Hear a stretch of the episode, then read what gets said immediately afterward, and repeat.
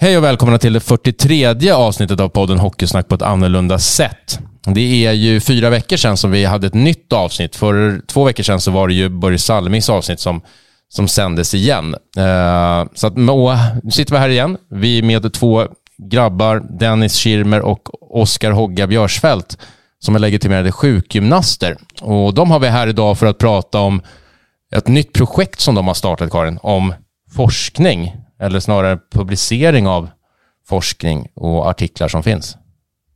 Mm, jag tycker det här är ett, eh, ett bra omtag som de gör. Det känns så nytt och fräscht och eh, ja, men ett bra format. Liksom, att man tar det som finns men man, man gör det så att det blir lättförståeligt och begripligt för, för oss som inte är i den här världen. Så det, det tycker jag är Eh, det jag tänkte när jag hörde om det här första gången, det var egentligen så här att ingen har gjort det här tidigare. Mm, faktiskt. Men, eh, men lever, vi... Jag lever i en värld att det inte finns tillgång till all den här forskningen som görs, utan att det bara är till för liksom folk som har legitimitet till det, typ. Som läkare eller sjukgymnaster och, och sånt där. Så det är ju grymt bra grej att, att sammanställa allting på. Mm, jag tänker mer att, det, att man börjar läsa och så känns det bara så jobbigt. Det är så mycket svåra ord och och där slutar man. Mm. Här... här har de sammanställt det på ett kortfattat och lättbegripligt sätt. Ja, på sin sida kul. som heter scienceofhockey.se och finns även på Instagram. Så att, äh, men vi får väl se vad de har att säga. Eh, trevlig lyssning.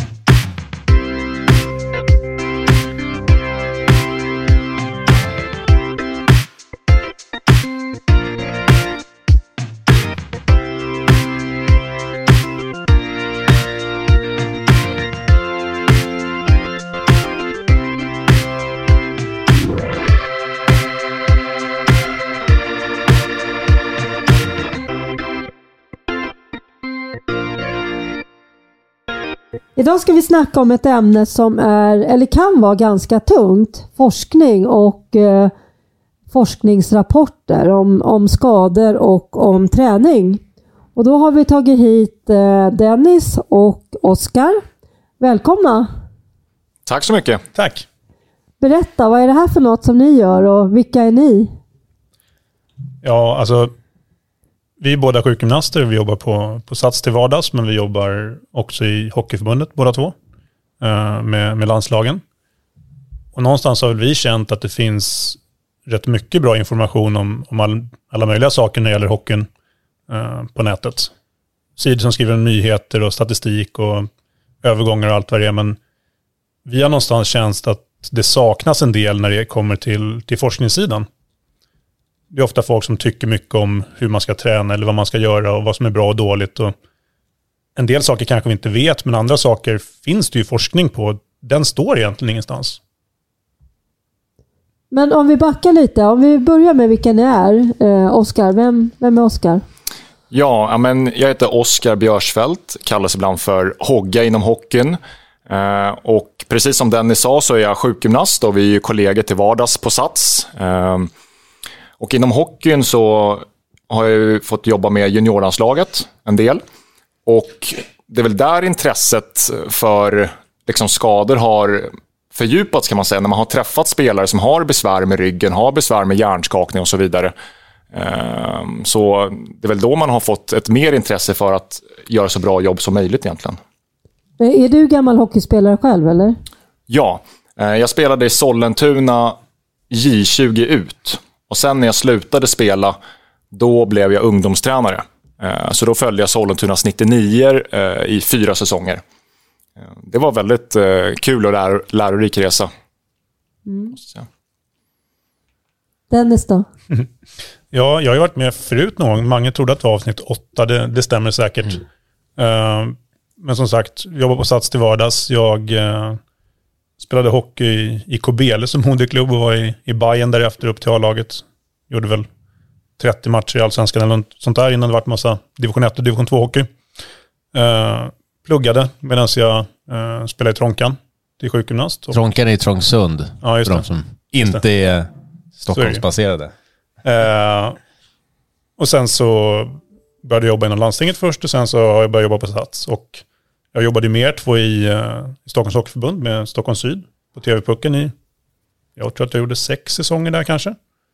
Och sen har jag liksom gradvis eh, fått mer och mer att göra i Hockeyförbundet med ungdomslandslag och juniorlandslag och någon, någon enstaka Tre Kronor-turnering och så tidigare.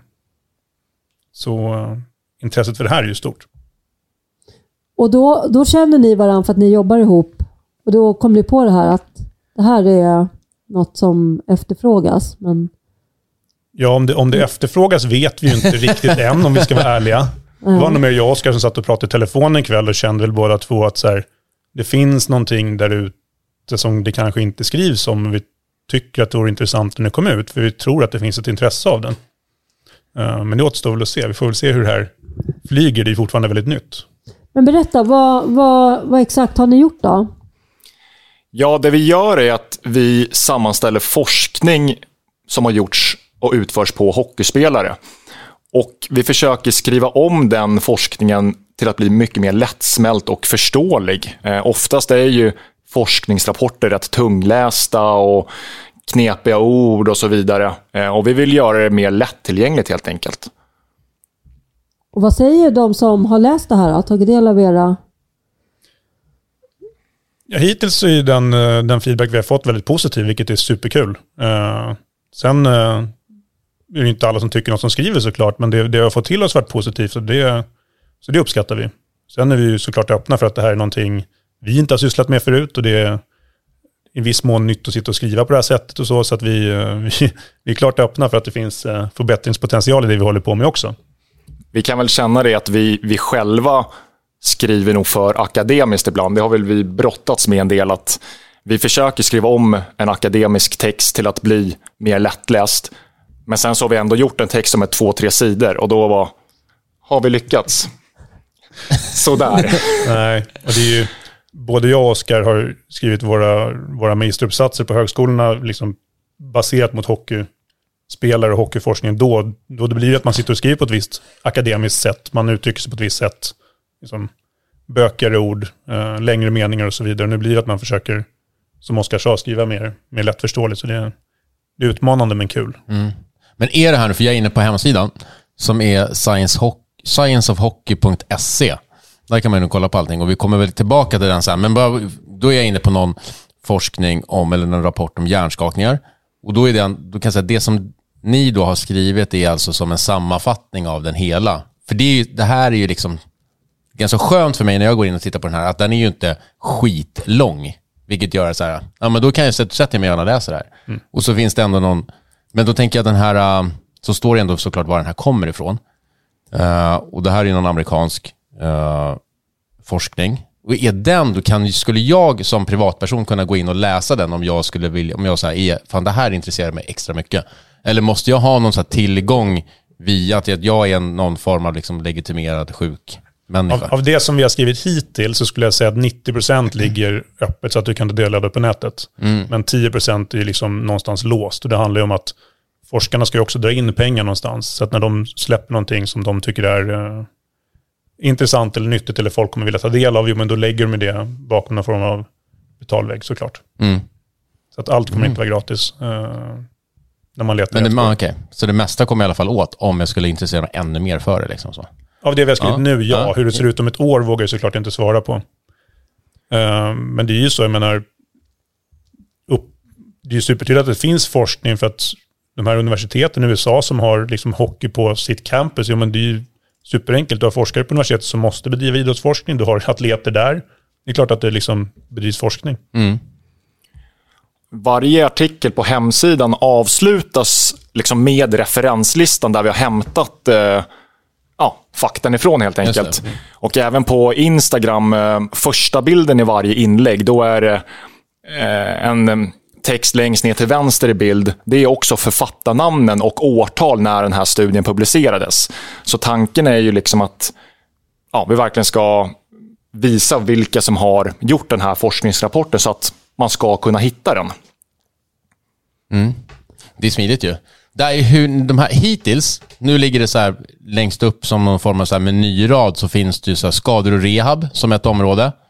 Eh, träning och prestation och idrottsforskning. Då ligger det kost och sömn och så lite olika där. Hur kommer, är det ni själva som så här, bollar ni med folk eller kommer ni själva, vad, är, ja, jag tänker så här, vad kommer ni fram till att ni vill lägga ut liksom?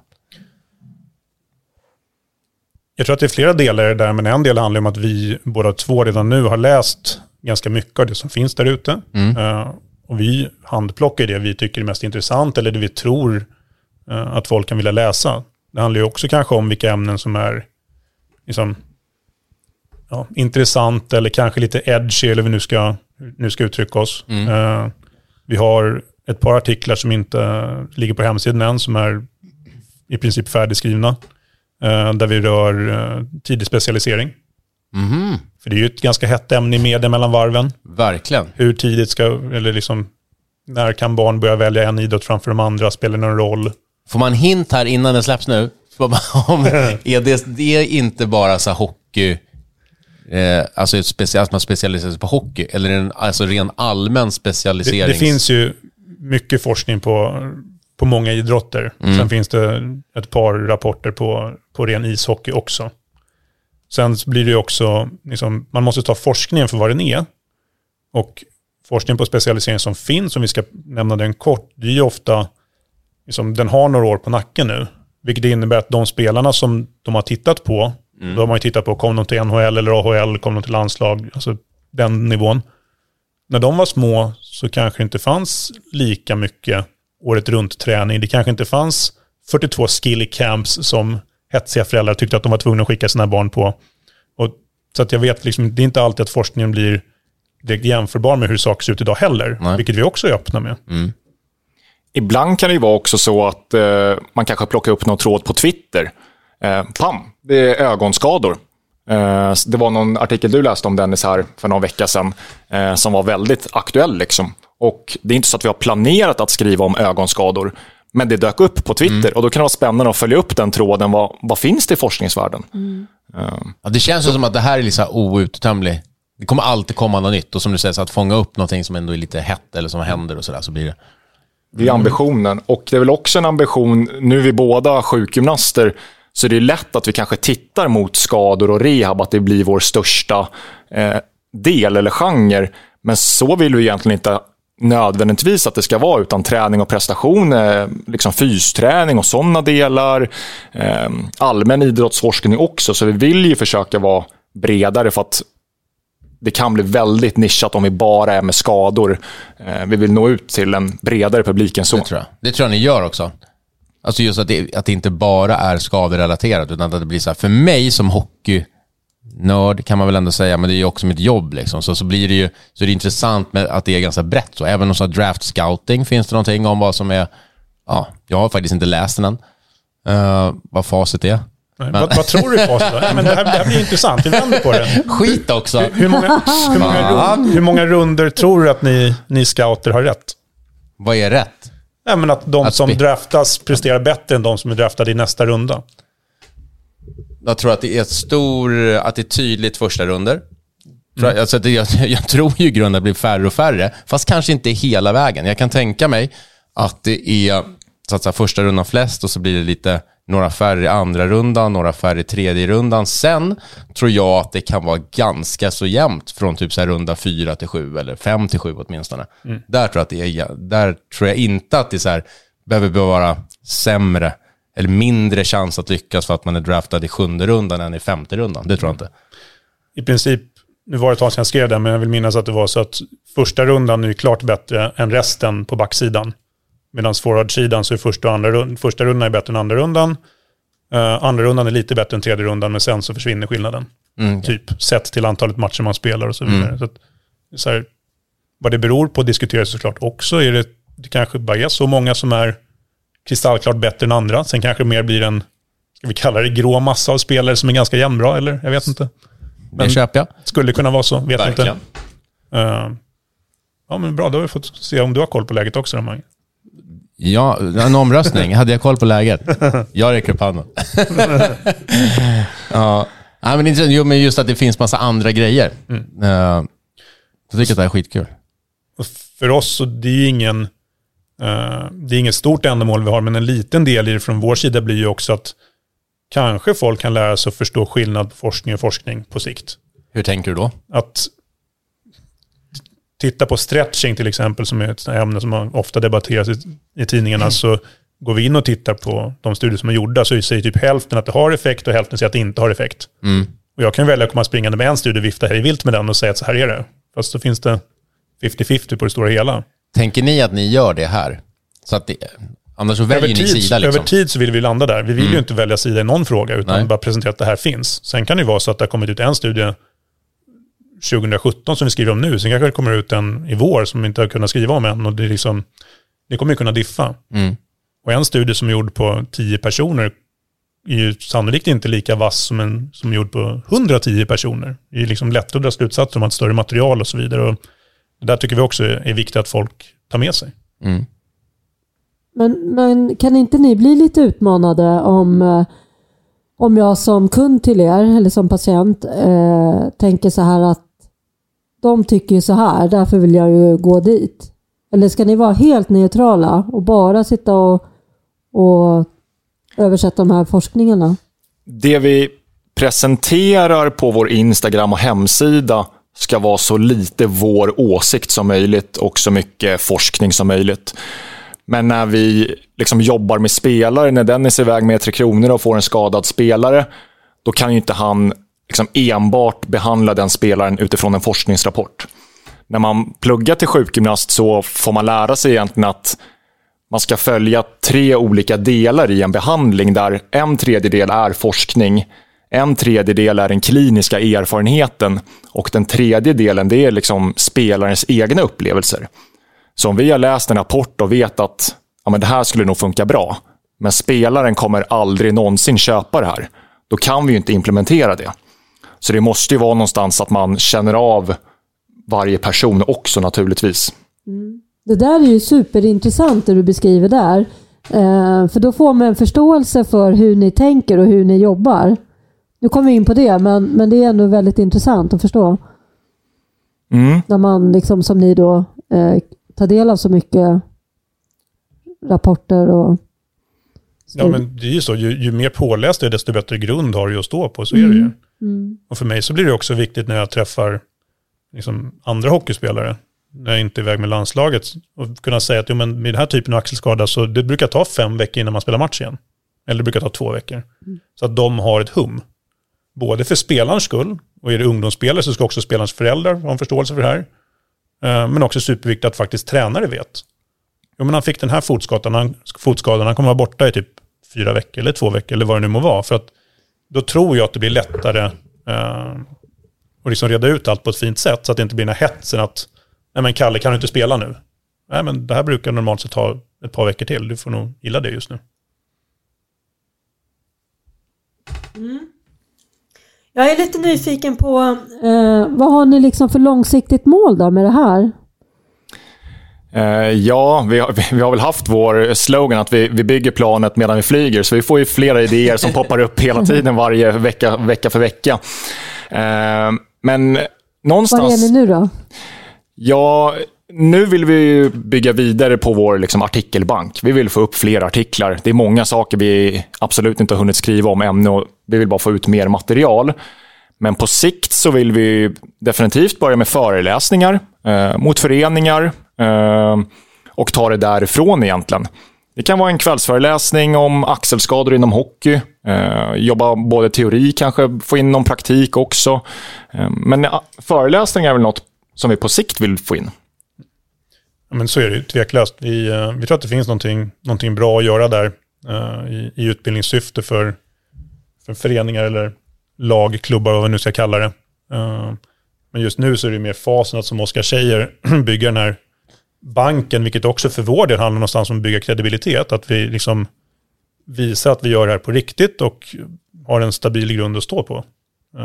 Så folk förstår att även om det här är liksom, vi har ju kallat det någon form av hobbyprojekt när jag pratar med varandra, men det kan ju ibland låta som att man sitter hemma och vet jag, bygger ett modellflygplan en kväll, men vi, är liksom, vi tror ju hårt på det här. Vi tror att vi faktiskt kan bli någonting väldigt bra över tid. Det är liksom ingen dagsländig grej vi, vi försöker göra. Tänker ni er samarbeten med, med någon eller några? Eller? där är vi inte än. Det är, det är fullt möjligt att vi har det. Vi, vi är liksom öppna för, för allt egentligen. Det handlar mest om att vi vill, vi har en idé vi tror väldigt starkt på och vi vill bygga den och sen om det finns eh, samarbeten eller vad det nu må vara som vi känner att men det här kommer ju gynna oss. Det här kommer göra att vi blir bättre på vad vi gör eller vi kan nå fler eller vad som helst så är vi ju såklart intresserade av det.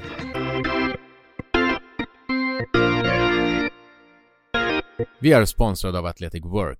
Athletic Work är ett bemanning och rekryteringsföretag som hjälper personer med någon form av idrottsbakgrund på alla nivåer.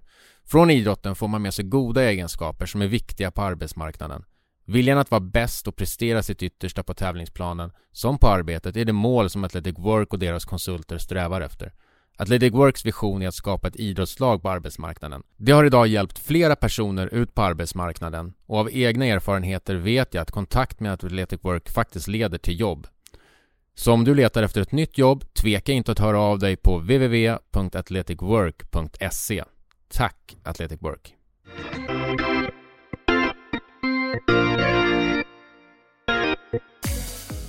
Att livesända hockey ska vara för alla, oavsett nivå. Med Solid Sport kan din förening eller ditt lag tjäna pengar till lagkassan och samtidigt dela spänningen med era supportrar som inte kan närvara på plats. Över 500 hockeylag sänder redan sina matcher hos oss. Det är enkelt, kostnadsfritt och ni får en anpassad scoreboard. Så vad väntar du på? Skapa en kanal på solidsport.com.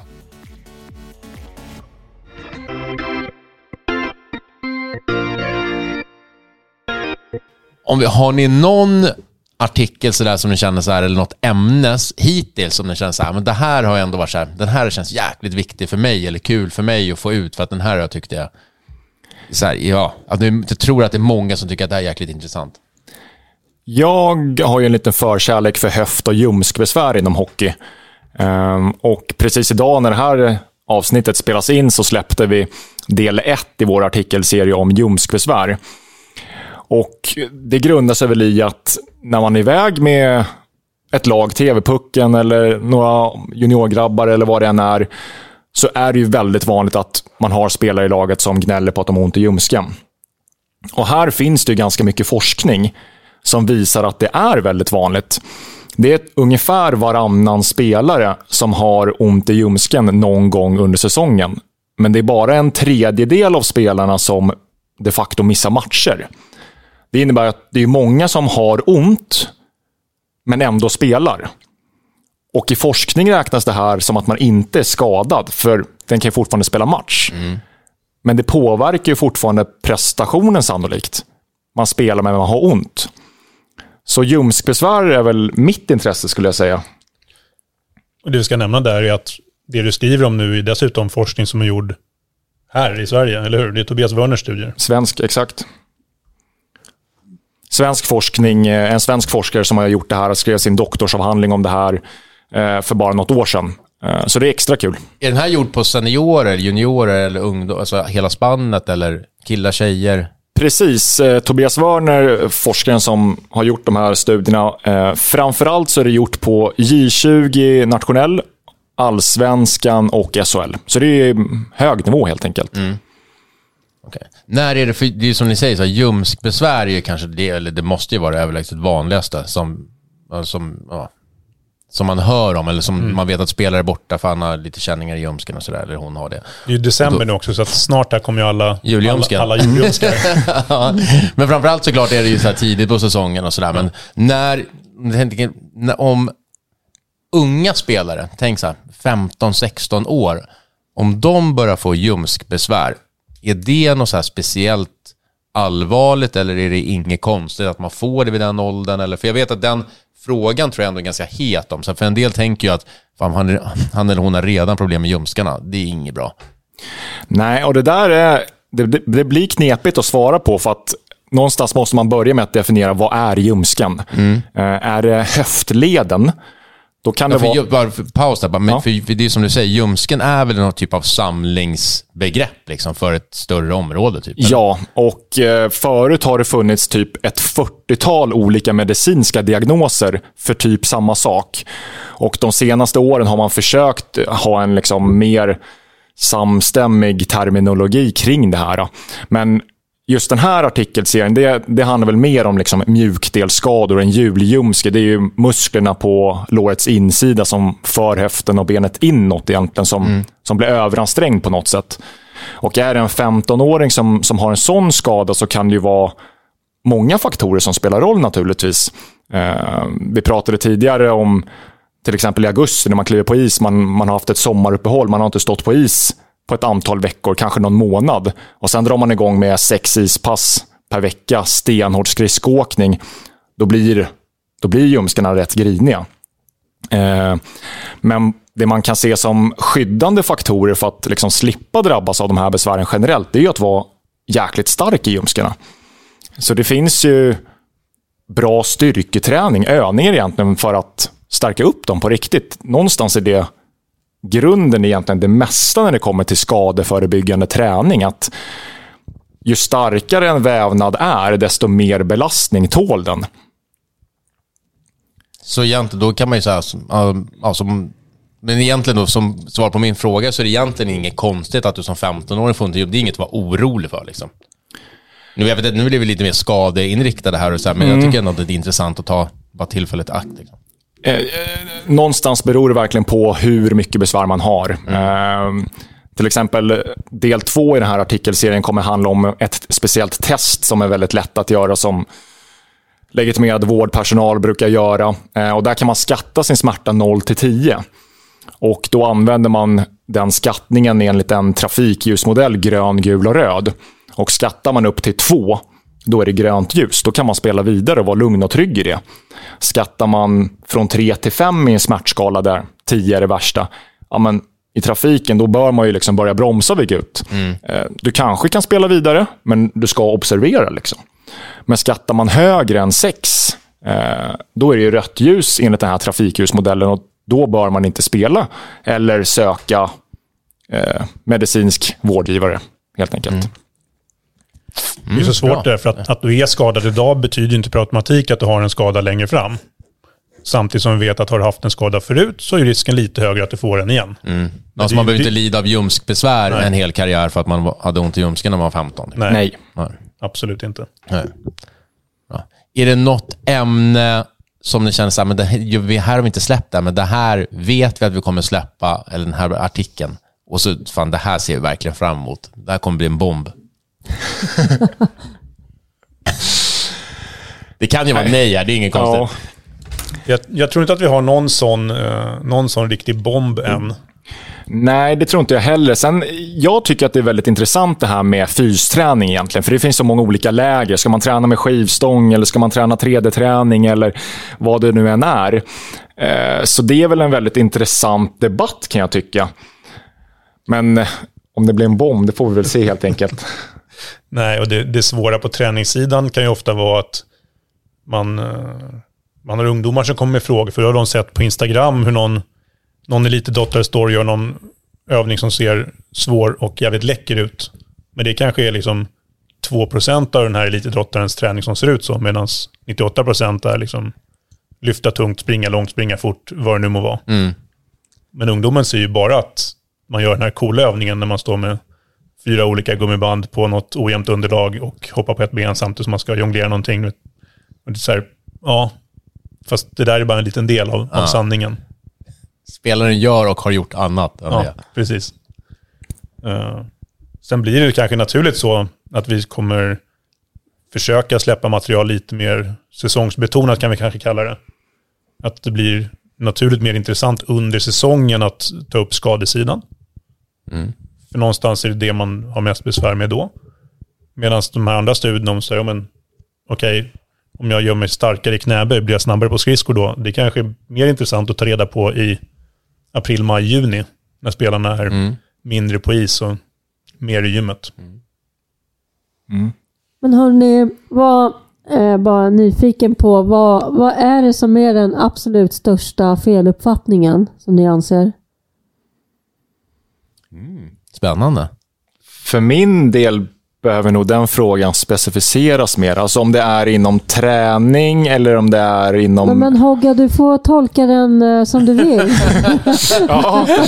Um, Ja, då, då drar jag nog hjälp av min vapendragare Dennis som passar istället. Uh, men, jag kan nog falla tillbaka lite på det jag, det jag pratade om alldeles nyss. Uh, på det gymmet jag jobbar nu så tränade det i alla fall tidigare rätt mycket NHL-proffs sommartid. Och de tränar rätt tungt och hårt och man ser att de som är duktiga, de tar i på riktigt liksom. Men sen kan det fortfarande vara så att en bild på Instagram på någon spelare ser jävligt cool ut. Och det är, så här, det är lätt att det blir missförstått. Mm. Uh, vad man faktiskt gör och vad det är som gör att du kan, att du kan prestera. Så det är nog det jag skulle säga. Ja.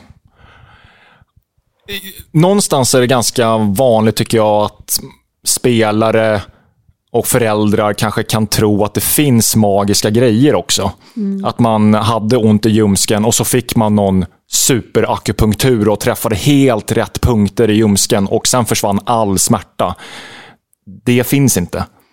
Utan det kanske var andra liksom förklaringsmodeller som gjorde att den här spelaren faktiskt blev bättre. Det kanske bara var tidsfaktorn, att det gick fyra dagar till och den här ljumsken fick vila lite mer. Mm. Så jag, det kanske är nog de här magiska delarna att det finns inte. Inga quick fix liksom? Nej, det skulle inte jag säga. Utan har någon blivit bra så vet man att det är väldigt många faktorer som spelar roll. Det är inte, vi sjukgymnaster ska inte heller ha för höga tankar om våra egna behandlingar. för att det, Vi påverkar en liten del, men det är många saker runt omkring den här spelaren som, som också påverkar läkningen. Liksom. Mm.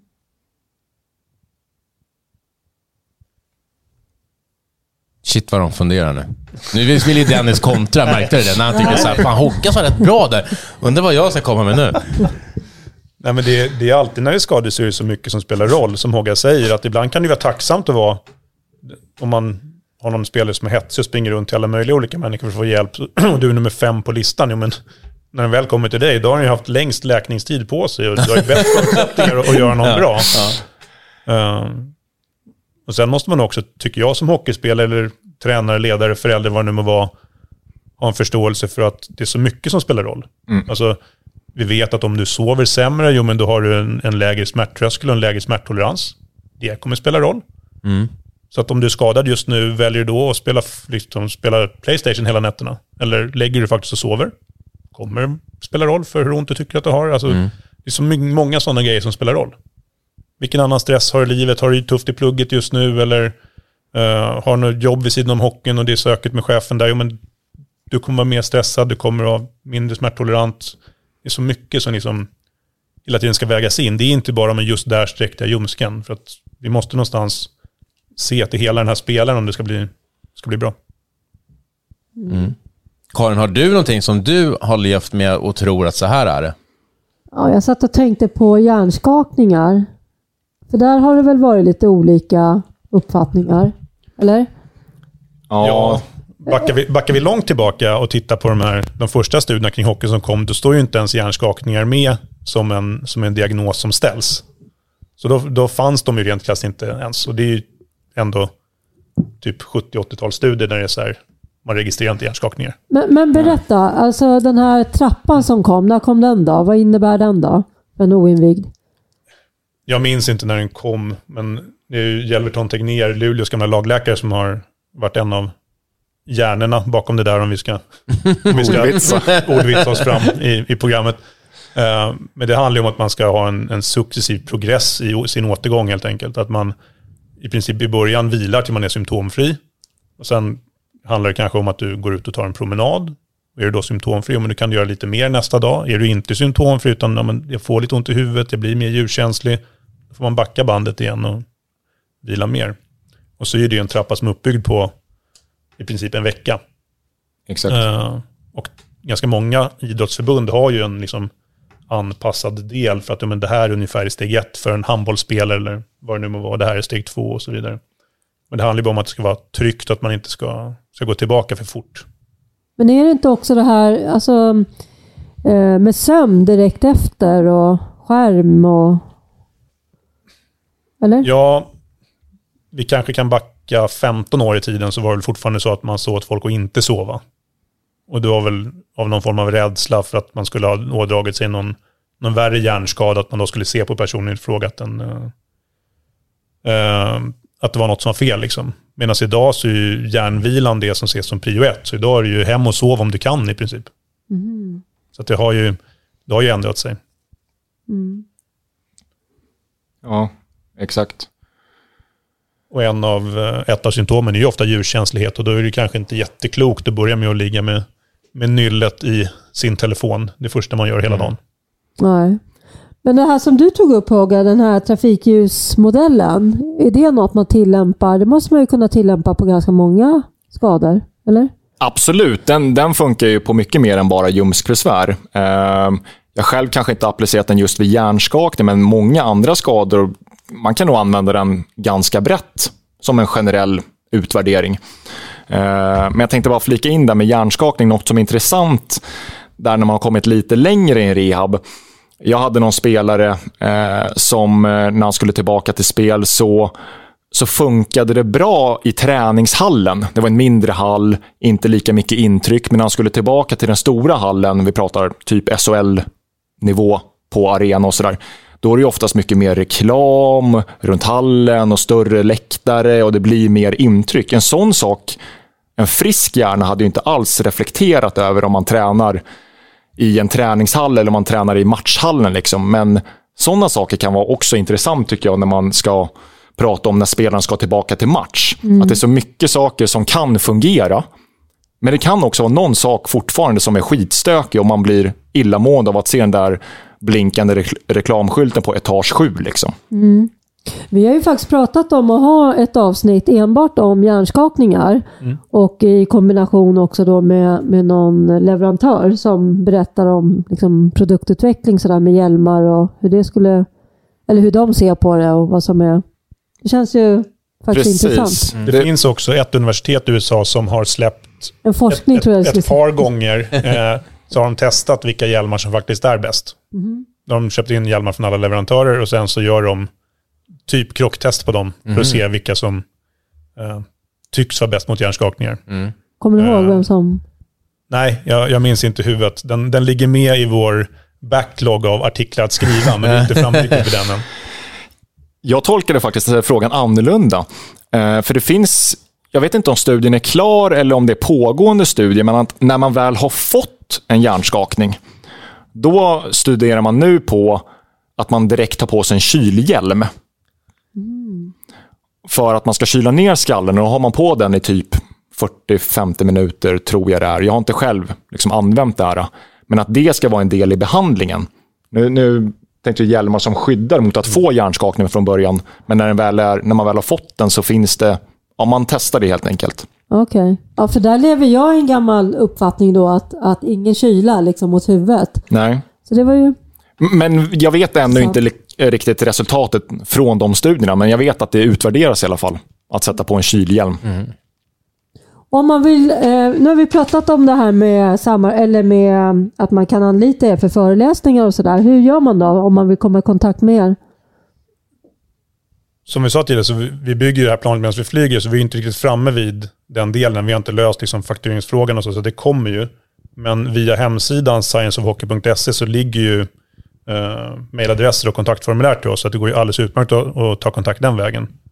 Och vår, eh, våra DMs på Instagram, Instagramkontot heter ju också Science of Hockey, är ju också öppna. Så att vill man oss någonting så är är det bara att ta kontakt.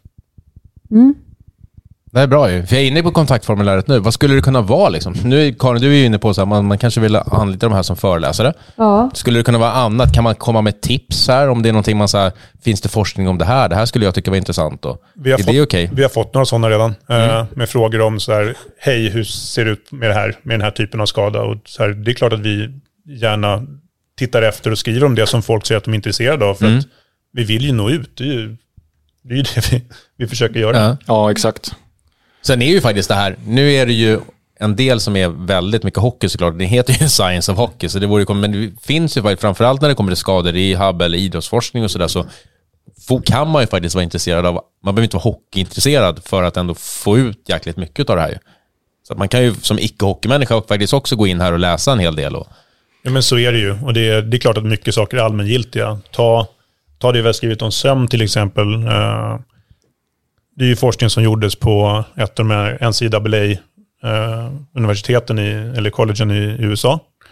Där de tog basketspelare. Och det här är alltså högsta divisionen i NCAA, så det här är spelare som från scratch, de är rätt bra på basket. Mm. De är bättre än oss. De är väldigt, väldigt bra på basket. Och sen så forcerar man dem att de ska ligga i sängen tio timmar varje kväll. Och det är så här, man kan inte tvinga någon att sova, det är svårt. Men att ha kvällsvila i sängen Mm. går alldeles utmärkt. Och så gör man det x antal veckor. Och så monitorerar man, så man låter dem testa och skjuta straffskott, alltså i basket, och skjuta trepoängsskytte. Och springa någon form av shuttle run, alltså motsvarande typ idioten för oss hockeyspelare. Mm. Och så går det några veckor och så helt plötsligt är skyttet upp mot 9% bättre. Vilket är sinnessjuka siffror för att ta någon som redan spelar på NCAA-nivå och göra den spela 9% bättre, det är inte lätt alltså. Det Nej. är många straffkast. Det. Men uppenbarligen så funkade det att sova. Och det spelar roll. Ja, och, och eh, den andra delen i den där sömn, eller en annan sömnstudie, men i samma artikel som eh, vi skrev på hemsidan är ju sjukdomsrisken. Eh, den tycker jag var väldigt intressant. Du, ta den du också Dennis. Men man, eh, man monitorerar hur mycket ett antal försökspersoner sover på nätterna. Och sen så sätter man dem i karantän, alltså de, vilket i princip innebär att de får sitta i varsitt hotellrum. Och sen så administrerar man förkylningsvirus via nässpray. Det vill säga alla får en liten flaska med nässpray och i den så är det förkylningsvirus. Som alla då eh, får ta. Och sen så tittar man, okej, hur många blir sjuka? För att varje gång du blir utsatt för ett virus så blir du inte sjuk. Du klarar det x antal gånger. Eh, och jag vill minnas att de som sov mindre än fem timmar tror jag det är, så blir typ 45-50% sjuka. Och sover du mellan 7-8 timmar så är siffran nere på 20-25%. Det är ju ganska stor skillnad. Och då tänker jag som har jobbat ett gäng år i TV-pucken att så här, okej, det är en kort turnering. Man är inte där så många dagar, men det är viktigt att prestera. Det är viktigt att laget är friskt så att man inte har fem personer går runt och är snörvliga. Ja, men då blir ju sömnen någonting jag kanske borde tänka på och faktiskt ta tillvara på.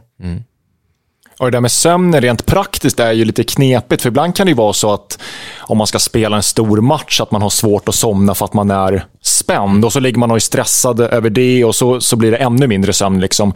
Det är ju inte den delen man vill komma åt, för liksom, alla spelare känner ju mer eller mindre stress. Det är mer när man skiter i det. Om man, ja, men man kanske tittar på Snapchat en halvtimme för länge och liksom ignorerar det här behovet. Men om man försöker liksom prioritera sömnen, men man kanske känner lite stress och så. Det ska man nog inte vara orolig för. För den formen av stress, det kanske alla känner och sömnen kan bli påverkad negativt. Men det är de här mer uppenbara faktorerna, att man, ja, man tittar på skärmen för sent, eller man tar koffein till exempel till en kvällsmatch och tar en energidryck vid 19, liksom, då vet man att koffeinet ligger kvar och det kan fördröja insomningen en bra stund efteråt. Liksom.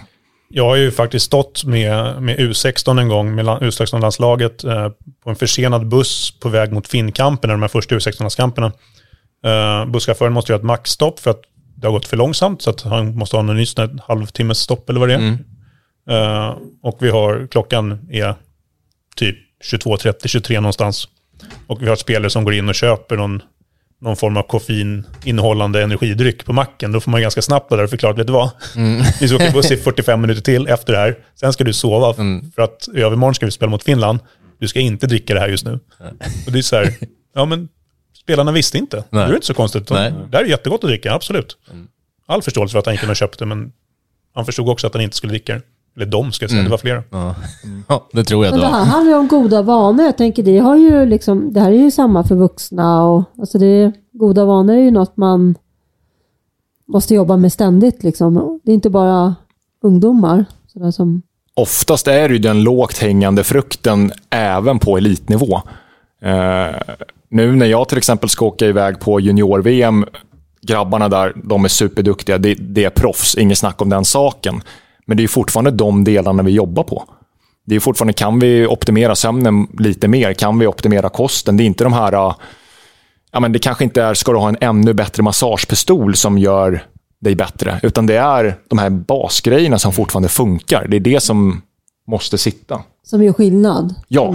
Mm. Exakt. Ja, och det har säkert varit samma på, samma på alla JVM, men nu när jag var med på JVM i somras så satt det uppklistrat liksom, eh, färgskalor över varje toalett som vi nyttjade. Med liksom Sju nyanser av gult. sju nyanser av gult. Med, är det så här vitt urin du har, ja men då är du vätskad och det är ganska bra.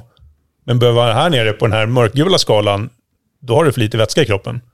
För att spelarna hela tiden ska se, när de går och pinkar, att okej, fan jag ligger efter här. Så att det är liksom, återigen som Hogga säger, det är de här, de små grejerna blir viktiga. Och de spelar roll. Kan inte lägga ut den här sjugradiga gula skalan på hemsidan så kan man skriva ut den och ha hemma. Absolut. Vi får, vi får fråga Dr. Ryan om han släpper patenten på det där. Men, men, men, men det kan bli en liten kul grej, för att det är, ju, det är sju nyanser. Så det är ju siffra 1, 2, 3, 4, 5, 6, 7. Och då kan man ju fråga en spelare som nyss har varit på muggen, så, vad vart det idag då? Fyra? Nej, fan. Drick lite mer. Eh, så då blir det en naturlig... Man kan snacka om det naturligt och det, det blir ändå effektivt. Liksom. Det blir lätt att mäta. Ja, och viktigt. Ja. Ja, men vad bra. Men eh, är det något ni tycker så här, det här, det här borde vi nämna?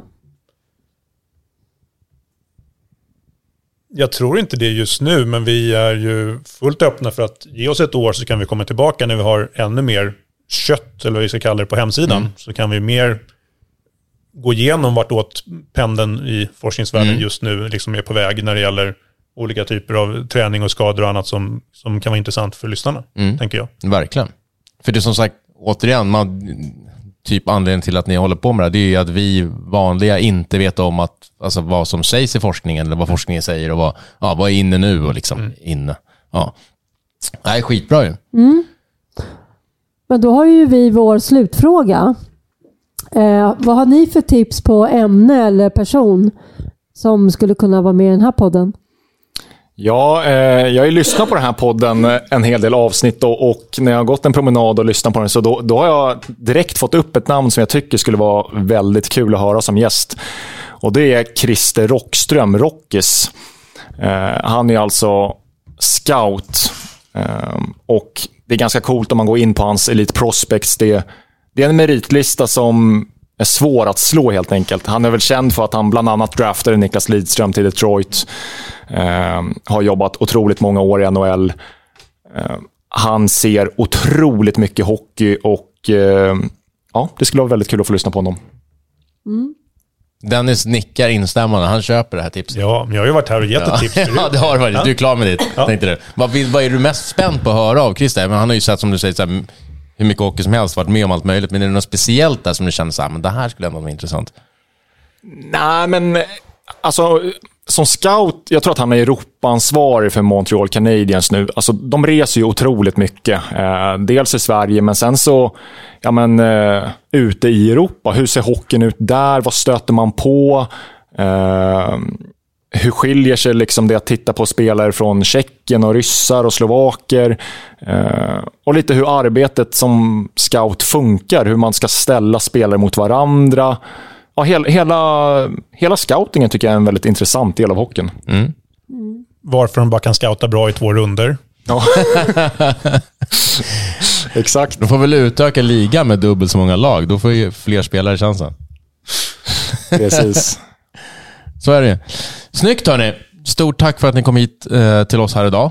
Eh, Dennis, stort lycka till nere i Schweiz med Tre Kronor nästa vecka. Tackar. Och Hogga, stort lycka till i Halifax med omnejd med under JVM.